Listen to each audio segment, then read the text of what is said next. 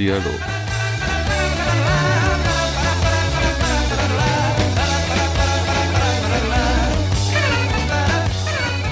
Podcast Gledališče in Ludke JSKD. Na javnem skladu za kulturne dejavnosti smo razmišljali, kako v času ukrepov zaradi koronavirusa k vam pripeljemo vsebine v ljubiteljski kulturi. Odločili smo se, da preizkusimo format podcast in začeli s snemanjem intervjujev. Prva gostja Irena Rajh. Irena, uh, živijo. Živijo, Jan. Um, tole bo prvi poskus uh, podcasta, pa upajmo, da bo prvi podcast ratov iz tega. Um, izbrali smo si eno zelo zanimivo gostjo, tebe. Uh, in zdaj, da ne, da ne mogoče jaz ne predstavljam, kdo si ti, je to kar prvo vprašanje. Kdo je Irena Rajh? Irina Rajh um, je. Uh, težko vprašanje si mi postavil. Če rečem tako, da bi nastopala v nekem kvizu, bi rekla: sem Irina Rajh, uh, lutkarica, mentorica, uh, gledališko ustvarjalka, pravzaprav že vse življenje. Mislim, da bo to kar ena taka Eh, taka dobra oznaka, ker ti moje osebno in profesionalno življenje se pravzaprav prepletata že od mojih otroških let. Eh, objav, objavljali smo to začeli malo bolj pridno na Facebooku, in ena od objav je bila tudi ob uh, svetovnem dnevu Ludk, oziroma Ludkarjev. Uh, in objavili smo zraven, poleg uh, sporočila, uh, unije, tudi eno fotografijo, uh, uh, in sicer iz prvega srečanja mladih slovenskih lutarjev. Lutkarjev. Letos, se pravi, leta 1970 je bilo prvo srečanje v Ormožu, ko sem objavila eno fotografijo in ti si zapisala, da ali da se skrivaš, mogoče celo v zadju tistih fotografij, vsekakor pa si prepoznala lutke. Imaš kakšen spomin na, se pravi, če, če začneva, mogoče malo drugače, kot je bilo vprašanje najprej zastavljeno, se pravi, imaš kakšen spomin na, lutkovno, na ta lutkovno srečanje, konkretno, kakšno anegdoto in kako si sploh začela z lutkami kot otrok? Ja, eh, kar veliko spominov eh, se veže na moje otroštvo.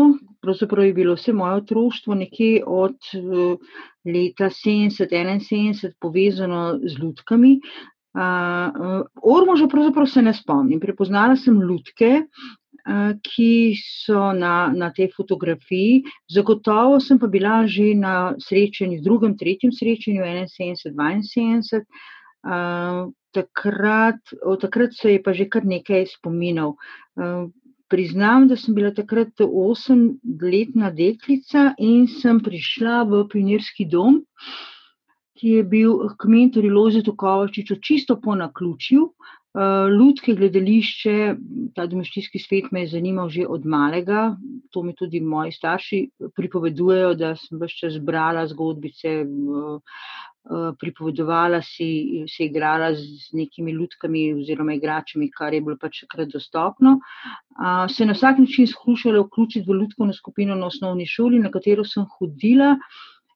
Ker te možnosti tam ni bilo, so rekli, pojdi v pionirski dom. In sem res odkorakala en dan in kar dokaj pogumno, še z eno sošolko, z mojo dobro prijateljico Miro, smo odkorakali eno sredo. Uh, mislim, da sem bila v tretjem razredu, se pravi, stara slabih osem let. Uh, in se potrkala na vrata, in bilo je grozno najprej. Ne, tam za dolgo mizo, ne, v drugem naslovninskem domu so sedeli a, malo starejši učenci, brali so besedilo, točno se spomnim, brali so črodeno kredo, zelo znane, znano zgodbo.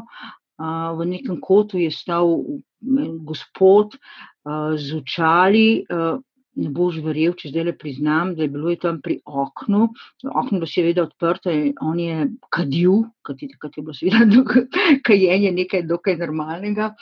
Kasneje, seveda, sem izvedela, da je to Lojza Kovačič, naš znani pisatelj, mentor in kon, konec koncev tudi moj, nekako bi rekla, gledališki oče, ki me je popeljal in je pravzaprav krivec za vse to, kar sem počela in pa počnem v življenju. No, vprašano je, kaj bi radi, so rekli, da naj pa ljudke zanimajo. Pokazano me je, ne so sedeli čisto zmimično na te dva stola ob strani, ker ti bila, pa seveda zamudili smo, prišli sredi vaje. In no, to je bil moj začetek. No, in seveda te ljudke so me potem osvojile. Pinjevski dom je že takrat veljal nekako za zibelko oziroma za središče um, ljudkovnega ustvarjanja z otroki, z mladimi. Lojze Kovačič je tu takrat, ne samo, da je delal z, z nami, se pravi z otroki, ampak je bil tudi zelo znan kot mentor. Vodil je seminarije, izpopolnjevanje za učiteljice, za, za vzgojiteljice, za druge strokovne delavce, ki so se začeli hoteli ukvarjati z ljudkovnim gledališčem. Skratka, brbotanje, mrgolenje v tistih 70-ih letih je bilo izredno, izredno množično. In tudi moji spomini na te prva srečanja, seveda, kamor smo seveda hodili, kajti takrat se tega še nisem zavedala. Prišla sem pravzaprav v najbolj elitno o, skupino Ludkovno, kjer sem res pridobila veliko znanja. In to je tudi pomenilo, da smo se pravzaprav s svojimi predstavami začeli vrščati skoraj vedno na vsa srečanja. Uh, Spomnim se predstave Polomljeni ljudki, spomnim se Mezinčka, spomnim se Janko in Medka, to so te prve predstave in tudi fotografije ljudk. Na fotografiji sem prepoznala te ljudke iz teh predstav. Tako da srečanja so bila izredno živahna, trajala so po tri dni. Bili smo nastanjeni v različnih, se pravi, Eh, domovih, eh, učnih centrih, spomnim se, tudi včasih tudi v kakšnem hotelu. In seveda najbolj zabavno je bilo, ko smo bili malo starejši, že malo bolj najstniki, ker smo si vedno takole, eh, vsa tisti, ki smo se kot skupine poznali, nagajali med sabo. Naših najhujši tekmeci, če govorijo o nekih anegdotah, ne tekmeci v narokovajih, seveda, so bili ljudkari iz Kranja, ki so delali pod mentorstvom Vladimirja Rosa. Ne. In vsako srečanje je pravzaprav bil kar nekako, že pred srečanjem smo imeli neke taktične dogovore, kaj jim bomo ušpičali, ali jim bomo s, kluko, z kaledontom namazali kluko, ali jim bomo po noč brke narisali. Mislim, da bolje, da ne povem vseh naših lumparij, ki smo jih ušpičali drug drugemu. Vsekakor smo se zelo spoštovali, kajti obe skupini, oba mentorja sta bila seveda odlična mentorja in sta tudi vzgojila veliko, veliko število ne samo ljudkarjev, ampak recimo gledališčnikov. Ali pa tudi, se pravi, ljudi, ki, prijateljev, znancev, ki zdaj delajo v teh raznih humanističnih ali pa družboslovnih poklicih, ki so na nek način tudi povezani s kreativo in pa z ustvarjanjem. Uh, da prideva do danes, še, se mi je čist, uh, to je zdaj nedogovorjeno, ja. ne načrtovano vprašanje. Um, ker sem uh, prebral še naenkrat na hitro tvoj življenjepis uh, in piše, da si, da si obiskovala sicer biotehniško fakulteto. In se mi, je, se mi zdi zanimivo, uh, vprašanje, dve vprašanje v bistvu, kako je potekalo to eh, študentsko obdobje in ali je bilo povezano z ljudkami. Se pravi, da si prišla do tega današnjega stanja, ko si pač profesionalno ukvarjala z ljudkami in tudi zelo povezana z ljubiteljskim eh, ljudkarstvom. In drugo vprašanje je, eh, ali, tako informativno, ali je uh, fakulteta, se pravi študij, kakorkoli vplival na tvoje uh, dojemanje ljudk. Z ljudkami sem jaz seveda bila povezana ne samo v otroških letih, ampak tudi uh, skozi najstniška študentska leta in kasneje. Uh, vedno sem se spopadala z mislijo, da bi to bil moj poklic, ampak takrat v tistih, tistem času, pa tudi še danes, pravzaprav ljud, prav ljudkarstva pri nas ni bilo možno študirati.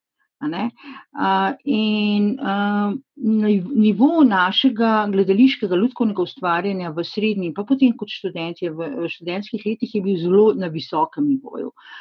Mi smo seveda dobili kot skupina smo imeli precej proste roke, ustvarjali smo samostojno, recimo tako, kot bi danes rekli v okviru študent teatra. Naš Luj, Luj Zakovičič je bil naš mentor, ki je prihajal na vaje, nam svetoval, nas v bistvu bolj od zadaj opazoval, podpiral, suportiral.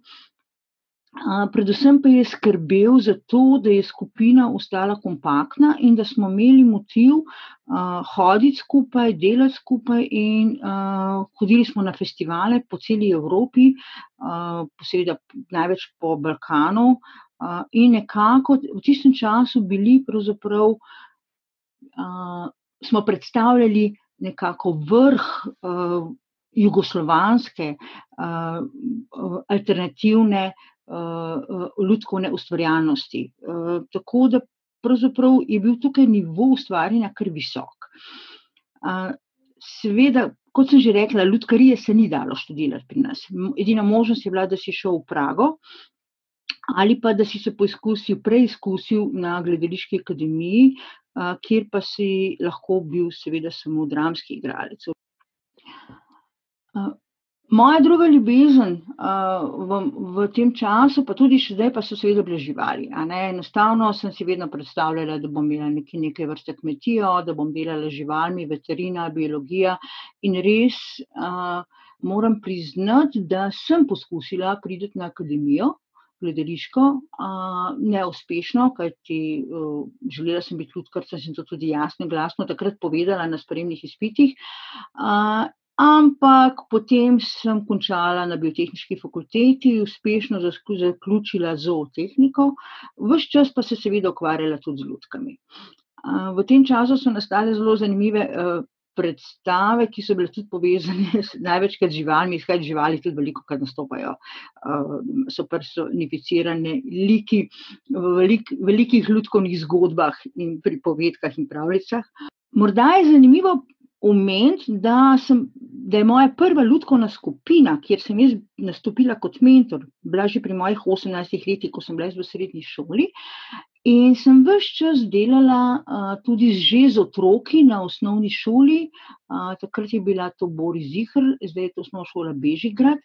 Uh, vsa ta leta študija sem se že uh, srečevala z otroki, delala samostojne ljudkovne predstave, bila mentor. Uh, jih nekje usmerjala, z njimi ustvarjala predstave. In a, to je bil morda tudi eden od razlogov, da sem po končanem študiju a, najprej se zaposlila v osnovni šoli, in kaj je bilo to še mogoče, a, in bila. Kar vrsto let učiteljica v podaljšanem bivanju razrednega pouka, kajti takrat so recimo šole še zelo podpirale to, da prihajajo na šolo, da imajo ta kader, ki pravzaprav ima tudi druga znanja, ne samo pedagoška.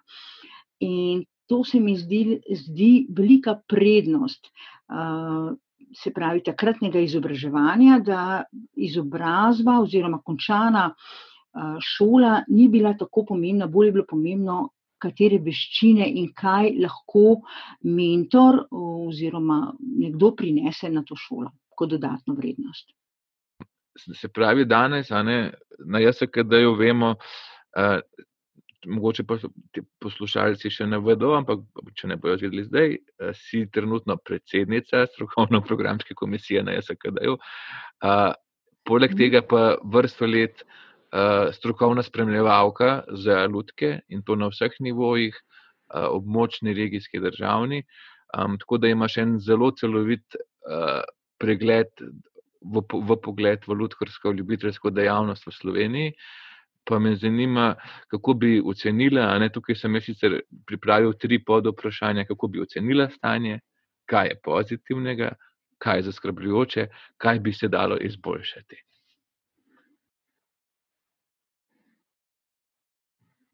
Že vsa leta spremljam uh, ljudsko ustvarjalnost, ki nastaja v okviru vrtcev, šol, različnih eh, kulturnih ustanov, materskih društv.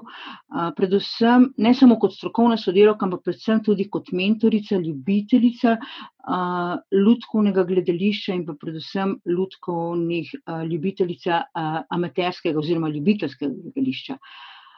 Ker se mi zdi, da je to zibelka, kjer nastajajo lahko in seveda tudi nastajajo vsa ta leta izredno zanimive produkcije, da so mentori, ki imajo krasne ideje, ki delujejo kot neki hrasti samotari na posameznih šolah in jih niti nimajo velikega upogleda, kaj se dogaja na tem področju, ampak kar nekako iz neke svoje lastne inicijative, iz svojih lastnih idej včasih res pridejo krasne predstave in to je dobro. Jaz sam pri sebi menim, da vsaka ustvarjanja, vsaka kreativa, ne glede na katerem področju, gledališkem, likovnem, ljudkovnem, plesnem, je absolutno pozitivna in da je žal tega na vseh področjih v, v zadnjem mogoče desetletju ali pa v dveh desetletjih v naših osnovnih šolah, če se nekako osredotočva na šole, premalo. Da je pač temu je razlogov več. Razlogi so seveda očitni. Je, šola je storilnostno naravnana, zelo, programi so zelo točno določeni za izvenšolske aktivnosti, je premalo časa, točno določeno, koliko ur lahko je, poteka neka šolska aktivnost in podobno. Tudi mentorje, če sem prej omenila, na kakšen način sem recimo jaz dobila službo v devetdesetih na osnovni šoli kot glede na moje znanje in kaj lahko prinesem na to šolo s svojimi veščinami. Se dandanes seveda vsa ta ustvarjalnost oziroma tak ali pa delo v takih krožkih odvija znotraj šolskega sistema. Včasih slišimo številke, ja, v devetdesetih je bilo preko šeststo lutkovnih skupin po vsej Sloveniji, kar je seveda res, naša srečanja so bila tridnevna. Po vsak, vsak kraj je imel svoje, svoje interno manjše srečanje. In ta številka seveda v primerjavi s tistim časom drastično upadla. Govorimo nekje med sedemdeset do sto predstav na letni ravni, ki si jih nekje selektorji, strokovni spremljevalci ogledajo. Zdaj, če razmišljava naprej, kaj bi se dalo izboljšati v tem sistemu, kje, kje jaz vidim recimo možnosti. Predvsem vidim ne samo v seminarjih pa izobraževanju mentorjev, ki pravzaprav ali želijo delati v gledaliških lutkovnih skupinah ali so zato prisiljeni, glede na to, da imajo manjko število ur na šolah, pa jim pač določijo neki krožek. To pravzaprav niti ni toliko pomembno, bolj je pomembno, kako strokovne delavce oziroma mentorje izobraziti, da jim daš neko osnovno znanje ali pa vedenje o tem, kako naj se lotijo, se pravi, vseh problemov, ki se kar naenkrat pojavijo, ko ti želiš recimo neko, narediti neko lutkovno ali pa gledališko predstavo. Pa ne glede na to, ali gre to za samo za motivacijo, kako, na kakšen način motiviraš otroke pri, pri pouku, kako, da, da recimo, da se, da, da, da dramatizirajo neko zgodbo, izdelajo lutko, da nastopajo ali kaj podobnega, ali pa če imaš nekako višje cilje, da pravzaprav želiš pripraviti krajšo lutkovno predstavo. Zdaj, možnosti je več, jaz zelo podpiram nekako mentoriranje, individualno mentoriranje mentorjev oziroma tudi projekte, kjer naj bi umetnik prišel na šolo in skupaj z učiteljem izvajal program, s tem, da pač vsak od njiju prinese v skupino, v delo svoj prispevek, umetnik to umetniško noto, učitelj, strokovni delavec pa to pedagoško.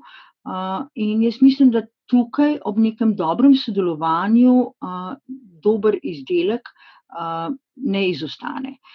Seveda pa ne smemo meriti izdelkov samo s končnimi produkcijami, kar se velikokrat v šolah dogaja oziroma dobijo pač navodilo, se pravi, imaš lutkovni krožek, pričakujemo, da boš imel lutkovno predstavo za dedka Mraza ob prvem spomladanskem dnevu in ob koncu šolskega leta. To pomeni kar naenkrat je mentorica, ki ima petinštiridesetminutno aktivnost oziroma izvenšolsko dejavnost na teden, pri, prisiljena, da razmišlja kar o treh različnih predstavah, a, zato da bo zadostila kriterijem, ki jih postavi pravzaprav šola. Jaz mislim, da je najbolj pomembno pri vsej stvari to, da gre za kontinuirano delo, da gre za a, proces, ki mora biti bolj pomemben kot pa končni rezultat. In še nekaj, morda, kar smo opazili zdaj na šolah, te kru, se pravi, skupine pravzaprav so kratke in jaz jim kar rečem instant skupine. Se pravi, letos imam dvajset otrok, krožek je namenjen prvemu, drugemu razredu in naslednje leto dobim novih dvajset otrok. Se pravi, da sem vedno znova sem na začetku, vedno znova učim osnove, tako kot bi, tako kot plavalni učitelj, ki vedno uči osnove plavanja. vedno na neki način iščeš metode, kako boš, in pravzaprav ti tako leto zelo hitro mine, ti pa imaš občutek, da si vedno ponavljaš, tako kot prvi razred. se pravi, dati čas, čas v čas, jaz, jaz sem velika zagovornica reka, ki ga večkrat povem, umetnost je način življenja, ne. Če jaz gledam pri sebi, meni je pri mojem življenju, pri, pri moji osebni rasti najbolj pomagalo to, da sem kontinuirano sodelovala v neki skupini iz leta v leto. Od pravzaprav od osmega leta dalje se sem se vključevala v, v gledališke pa lutkovne dejavnosti in s tem seveda tudi napredovala, širila svojo, svoj, svoj izraz in pa seveda tudi svoj pogled na družbo. Če se vrneva nazaj, zakaj se mi zdi, da je upad lutkovnih skupin v govorijo o ljubiteljskih skupinah, pa tudi na profesionalnem področju, tako velik oziroma v primerjavi z mogoče dvajset let nazaj. predvsem zato, ker ima lutkovno gledališče svoja, svoje specifike, ki so precej drugačne kot pa dramsko gledališče in tudi zahtevajo od mentorja veliko več znanja in pa lastnega angažmaja. ne samo, da recimo en tak preprost primer, ne. da delamo neko dramsko predstavo, potrebujemo pravzaprav dobro dramatizacijo besedila, igralce, praktično nekaj, nekaj rekvizitov, kostume in smo zelo hitro na odru, kjer lahko ob današnji tehnologiji, tudi ob videu, ne vem, se pravi, zvočnih posnetkih, avdiovizualnih in kakorkoli že, vse to, kar nam nudi zdaj današnja tehnika, dokaj hitro pripravimo zelo simpatično, všečno predstavo, ki pravzaprav je, v kateri lahko uživajo tako gledalci kot nastopajoči. Pri lutkah se pa seveda malo zaplete, ne.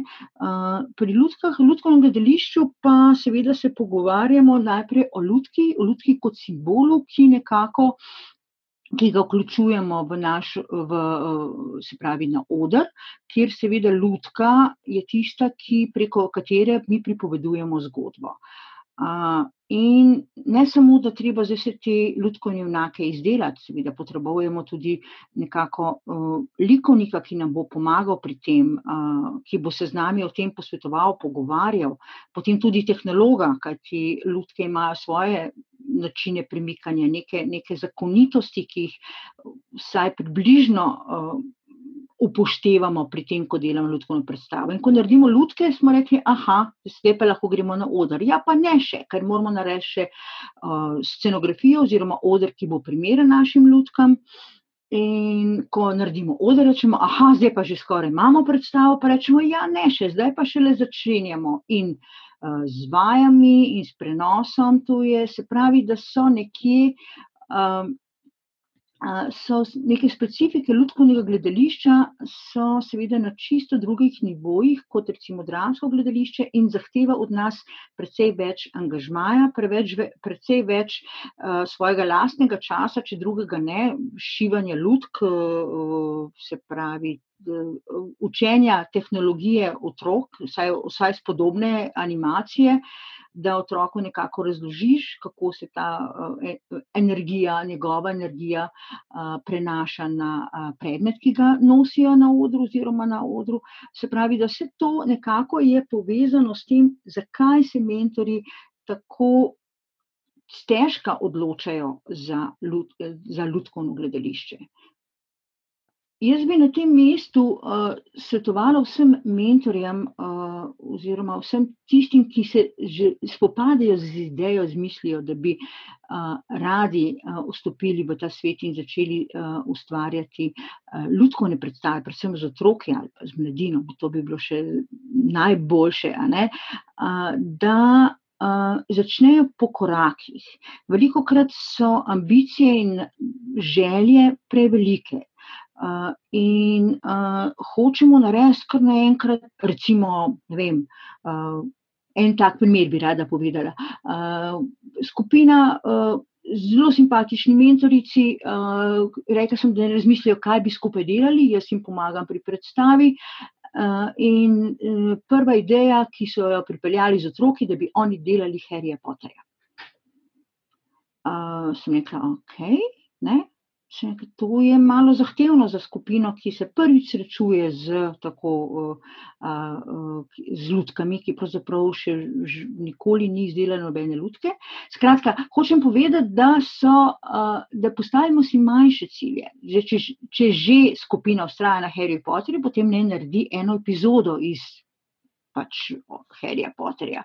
Če se hočemo delati piko nogavičko, ne, ne lotimo se uh, celotne knjige, zato so vsaj za začetek zelo primerne preproste zgodbe. Jaz si vedno rečem, poiščite zgodbo, ki ima že dobro dramatizacijo, kakšno basen, kakšno staro ljudsko pripoved kjer se je tekom let, tekom časa ta beseda že tako izostrila in izčistila, da pravzaprav ponuja že zelo dobro o, osnovo za ljudsko predstavo. Pomembno se mi zdi, da poveva, da si let, za leto 2018 eh, tudi dobitnica Linhartove plakete za izreden doprinos na ljudskem področju. Ker ne samo, da si strokovna spremljevalka, pa članica oziroma predsednica strokovne programske komisije, ampak si tudi mentorica, režiserka, vodiš delavnice, vodiš hišo otrok in umetnosti in gledališče Fru Fru. Te dve zadnji omenjeni stvari sta pa pač nek, nek eh, preplet. Eh, sploh zadnje je sigurno profesionalno gledališče z, z, z ljudkami, uh, hiša otrok umetnosti je pa tudi ena posebna zgodba. Um, se pravi, zdaj vprašanje je, kako se je začelo tvoje delo z ljudkami na profesionalni ravni in, in kakšen je ljudkarski kruh pri nas. Uh, po v 90-ih, seveda po osamosvojitvi, je pravzaprav bila priložnost uh, tudi, da se ljubiteljska kultura oziroma ljubiteljske skupine profesionaliziramo. Uh, prej te možnosti pravzaprav skoraj ni bilo in je vsa gledališka ljudska ustvarjalnost se pravi ustajala v ljubiteljskih krogih. Um, in v tistem času po vzoru nekako bolj zahoda, kamor smo seveda gledali že takrat, se je potem pokazala priložnost, da se naše delo profesionalizira in nekje v leta 1993 jaz štejem za moje prvo profesionalno predstavo, kamor sem nastalo je nekako družinsko gledališče. S svojim možem sva delala skupaj prve predstave z drugimi ljudskimi sodelavci in neki režiserji, likovniki.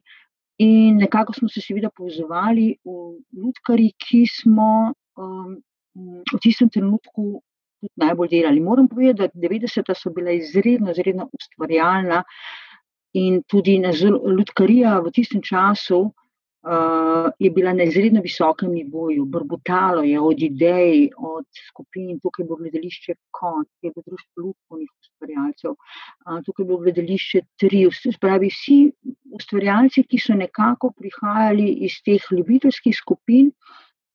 Ali pa da so, so že recimo, tudi končali študij na akademiji, pa jih je ljudsko gledališče zanimalo, recimo kot je bil Jan Zakonšek, Silvano Mrzu, Jelena Sitarjeva in drugo, uh, smo uh, takrat začeli delovati na različnih uh, področjih. Eni smo se nekako usmerili v delovanje bolj za otroke, uh, nekje drugi so ostali bolj na, v alternativnih vodah. Uh, in dejansko je bilo to obdobje, kjer je naša dejavnost, uh, jaz bi temu lahko rekla, nekako neodvisna, alternativna ljudska scena v 90-ih, uh, prerasla dosti močno gibanje in bila celo veliko bolj zanimiva, kot si pa ste takrat v tistem času ustvarjali, tako lišče Ljubljana in lišče Maribor, dve edini profesionalni ljudski ustanovi v tistem času.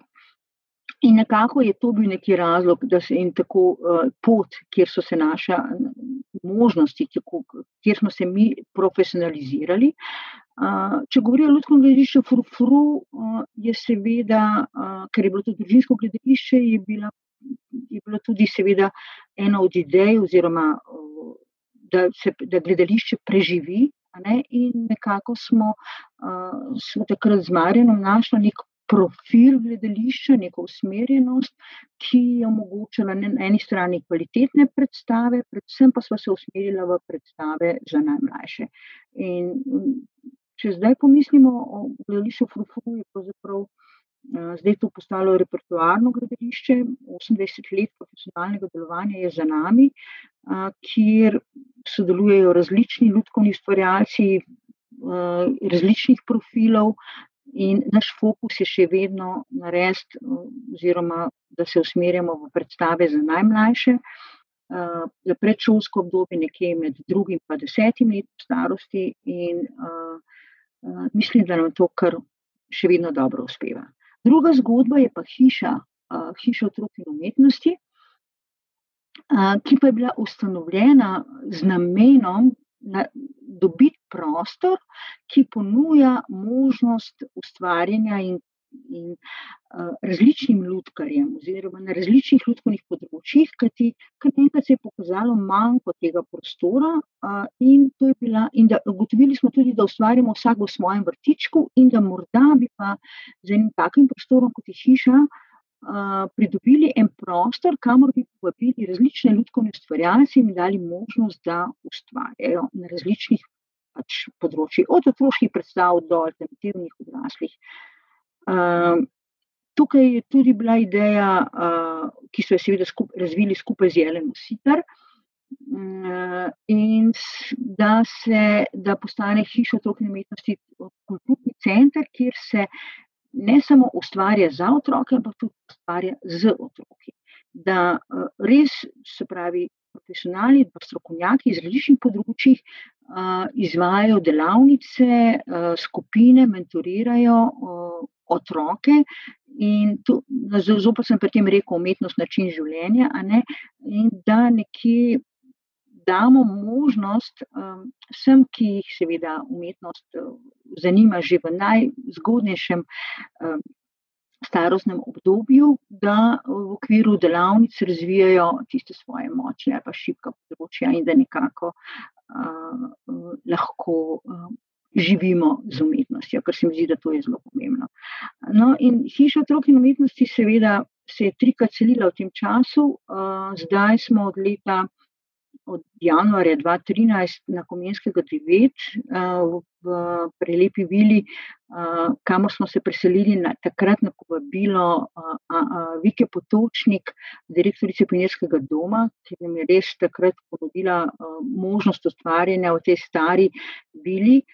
No, in zdaj smo tukaj, smo še dan danes, in uh, se mi zdi, da smo s prehodom v, v ta prelep prostor uh, veliko pridobili.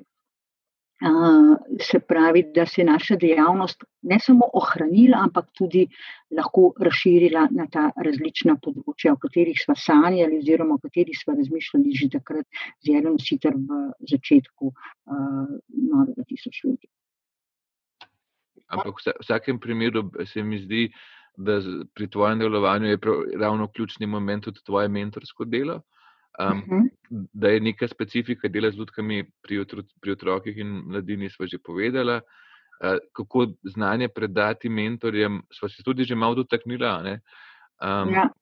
Mi je pa, se mi zdi, pa ena zelo zanimiva značilnost za tvoje delo, tudi, da si um, prenesla to navdušenje uh, z konsistentnim delom, se pravi, da niso to samo otroške skupine, ampak potem radajo to tudi mladinske, celo študentske. Uh, tukaj, ja. tukaj imamo v mislih, se še sam spomnim, art, art, artizanov. Uh, pa mogoče tukaj lahko tudi omenjava, da, je, da je zaštartal nov projekt in sicer Hišina Ludkovna akademija. To, to dvoje mogoče bi me zdaj zanimalo s tem vprašanjem. Že prej sem govorila o tem, kako pomembno se mi zdi to uh, dolgoletno ustvarjanje, kontinuiteta, uh, prehajanje iz otroške v mladinsko, potem v študentsko skupino. Na ta način, kot sem jaz že od, od svojih otroških let bila nekako vključena v to skupino Pinjerskega doma in to je bil tudi način dela pri Lozetu Kovačiču, kjer se je skozi generacijo otrok, ki smo vstopali skozi vrata v njegovo gledališko sobo, potem izoblikovala skupina profesionalnih gledaliških, humanističnih ustvarjalcev. In če bi zdaj pogledali nazaj, koliko ljudi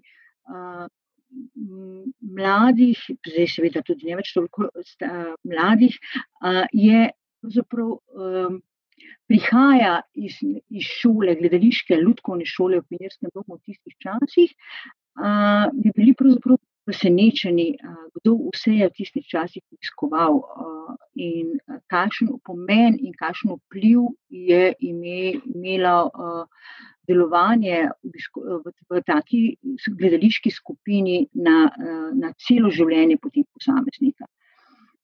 Na isti, na podoben način sem želela nekako v hiši, ne samo jaz, tudi vsi ustvarjalci, ki smo delali, ki smo delali in pa še delamo v hiši, ustvariti pogoje, prostor, kjer bi se otroci počutili dobro, kjer bi začutili in imeli možnost, da se izražajo, da so kreativni, ob seveda ob pomoči profesionalnih odraslih mentorjev in da bi jih to gledališče, se pravi to ustvarjanje, tako zanimalo, da bi z nami ostali in tudi prehajali iz otroškega, mladinsko in potem v študentsko skupino. To seveda ni bila to ni bilo umetno delo, to pač nastane spontano, se pravi, otroci ostanejo in ti si z njimi starejši, greš naprej, uh, vedno znova jim postavljaš uh, nove naloge, nove izzive, uh, vidiš, da so motivirani za delo, če dalje boliš. Uh, Prepuščaš njihovi lastni inicijativi, jih samo opazuješ, usmerjaš, in seveda poskušaš biti ne režiser, ampak mentor v pravem smislu, kar se mi zdi, da je za spodbudo in za ustvarjalnost ključnega pomena. Da ne režiramo predstav z otroki, ampak da jih spodbujamo. In v hiši otrok in umetnosti sem imela to srečo, da sem tekom zadnjih 20 let, odkar hiša obstaja, spoznala in imela priložnost delati z generacijami otrok, ki so imeli izredno radi gledališče, pa ne samo gledališče, ampak tudi ljudsko gledališče. In moram povedati, da sem kar ponosna na, na vse te mlade ustvarjalce, ki so zdaj, marsikdo izmed njih je zdaj profesionalni. Uh, ustvarjalec na gledališkem, ljudkovnem področju, imamo tudi likovnike uh, iz te skupine. Uh, In še zdaj, ko se srečamo, ko se pogovarjamo, vsi pripovedujejo, kako, kaj jim je pomenilo sodelovanje in pa delo v eni taki skupini. Ne samo druženje, ne samo potovanje, kajti seveda potovali smo po vsem svetu, ampak tudi način razmišljanja in način. Način uh, življenja ki ga pripelje delo ali pa sodelovanje v takšni skupini. Če govorimo o zadnjem projektu, ki poteka v Hiši otrok in umetnosti, to je Hišna ljudska akademija, ki ga namenjamo predvsem mladim, mi smo nekako rekli od 19. leta dalje, je pravzaprav, zakaj smo se tega lotili, gre za potrebo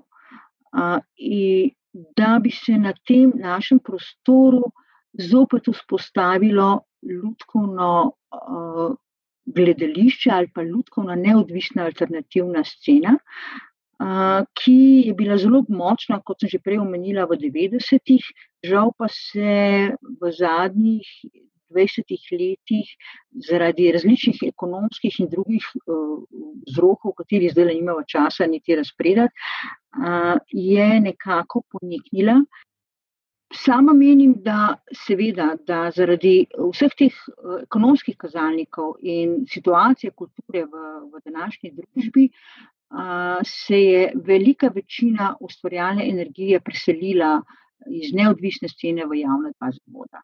In da tudi veliko odličnih ljudskih ustvarjalcev deluje ali v ljudskih še Mariboru ali v ljudskih še Ljubljana. A, seveda pa. A, je alternativa.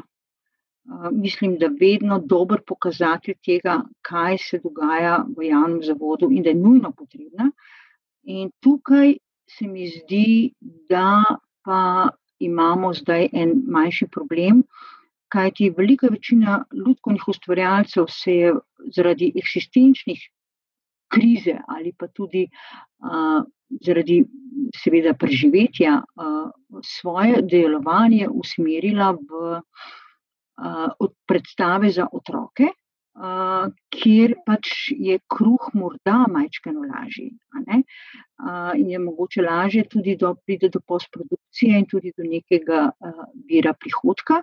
Uh, vemo pa, da ljudske predstave za odrasle uh, pa imajo omejen krok publike, da tu, tukaj pravzaprav um, uh, prihodka oziroma vira zaslužka ali pa vira preživetja ni. Uh, in seveda se je izkazalo, da je tukaj ena velika, nastaja neka velika niša, neka luknja.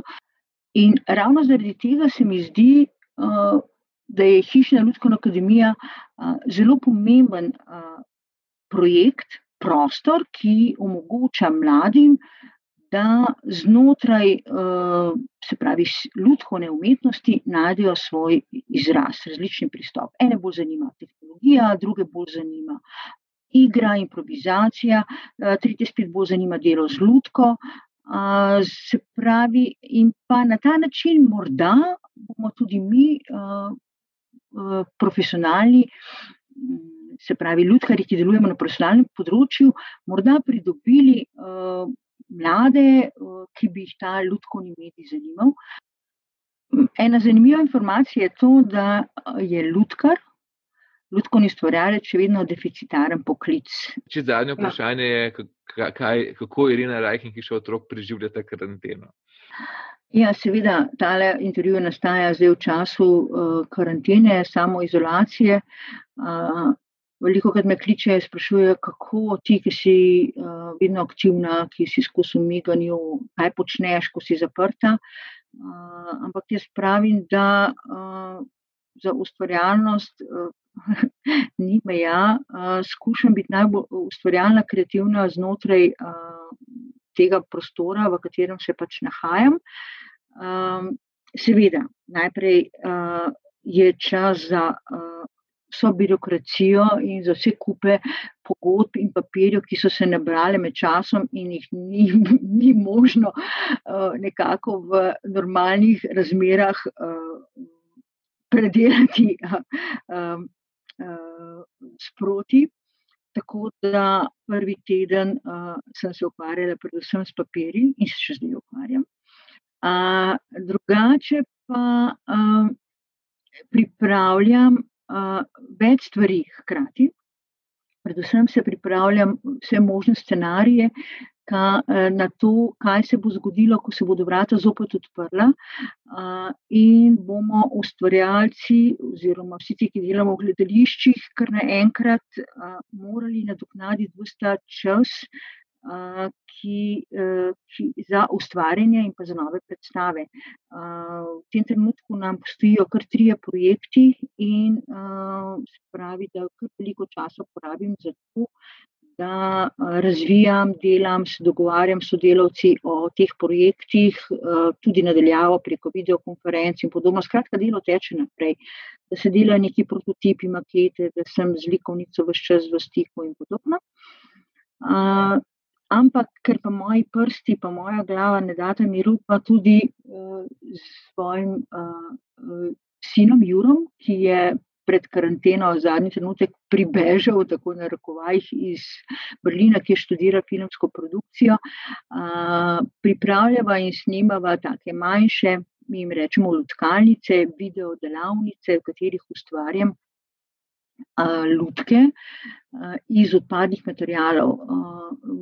Uh, zanimivo je, ko pogledaš v stanovanju okoli sebe in uh, jaz pravzaprav v velikih stvarih prepoznam neke oblike, ki mi spominjajo na neke uh, ali živali, ali neke osebe, ali neke abstraktne predmete, ki bi jih lahko uporabila in iz njih izdelala lupo. In uh, s temi izzivi se srečujem in, uh, in skušam biti kreativna in predvsem pa preprosta, zato da lahko take stvari izdelajo tudi otroci in pa starši sami doma. Uh, in ker vemo, da ne moreš iti ravno v art trgovino in nakupiti tega materijala, kako se znajti in vsega tega, kar nas obdaja, uh, izdelati uh, tudi kakšno ljudko. To je tako preživljeno, zdaj ta moj prosti, oziroma prosti, prosti delovni čas doma. Uh, in uh, predvsem pa tudi majčkeno uh, v strahu, uh, kako bo, ko se bodo vrata odprla, na kakšen način. Kajti jaz vem, da nam je socialni stik vsem zelo pomemben, druženje. Um, in kako, kako se bomo s to, uh, s to situacijo kar naenkrat uh, soočili in jo znali uh, tudi premagati. Pet kratkih vprašanj je pa tako, da bi v bistvu streljala ne, aso, aso, asociativno, oziroma se boš videla, um, zakaj, zakaj gre. Um, v bistvu so res čisto kratka vprašanja, zahtevajo zelo, zelo kratek odgovor. Zdaj pa ta prvo vprašanje je povezano s tem, da bomo, tale, da bomo to serijo podkastov naslovili dialog. Kaj tebi pomeni dialog? Dialog je uh, komunikacija. Uh, seveda, samo po sebi, da pove med dvema. Uh, Uh, jaz največkrat upam, da med večjimi ljudmi, in uh, jaz sem vse čas v dialogu. Uh, včasih tudi, predvsem sama s sabo, uh, se vse čas pogovarjam, dogovarjam. Uh, mislim, da imamo ta problem vsi, ki ustvarjamo na področju neke gledališke uh, ali prizoritvene umetnosti, uh, ko se veliko pogovarjamo, smo v dialogu, pa tudi sami s sabo, s svojimi lastnimi idejami. Okay. Drugo vprašanje, zadnja predstava, ki si jo z užitkom pogledala. Z užitkom. Uh, um, ja, večinoma so to ljudske predstave. Uh. A vidiš, ta je moj užitek. Uh, uh. Tle si bom povzela malo razmisleka. Hoče tega pustiva do konca, če se ti utrne. Ja, ja, ja, deva pustiti do konca, dej, ja. Ampak ja. pole pa zdaj naslednje je zelo, je zelo podobno, pa še teže. Najljubša predstava vseh časov.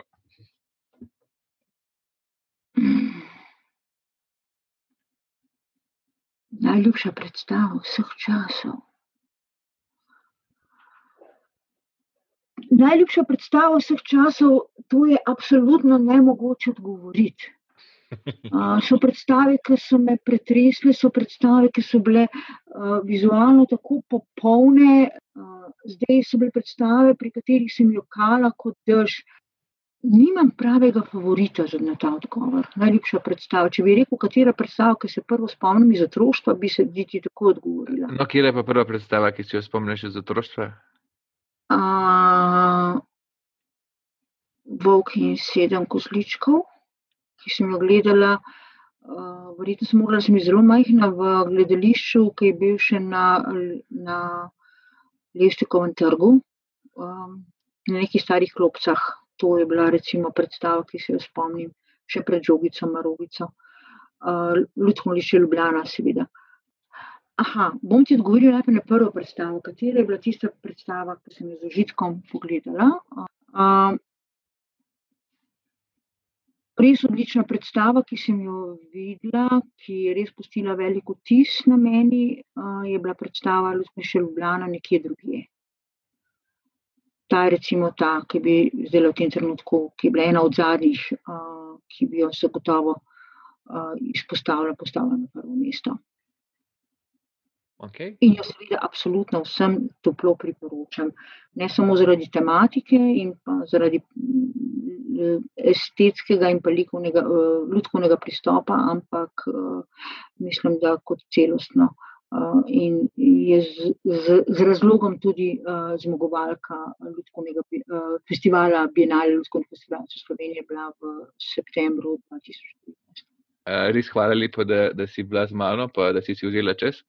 Um, zdaj pa eh, zadnje vprašanje, pa kaj bo prva stvar, ki jo boš naredila, ko bo karantene konec? Prva stvar, uh, uh, kaj bom naredila? Jaz srčno upam, da bom šla lahko na oder. Ga močno pogrešam in da bom lahko uh, sproščeno objela, veš koga, moje starše,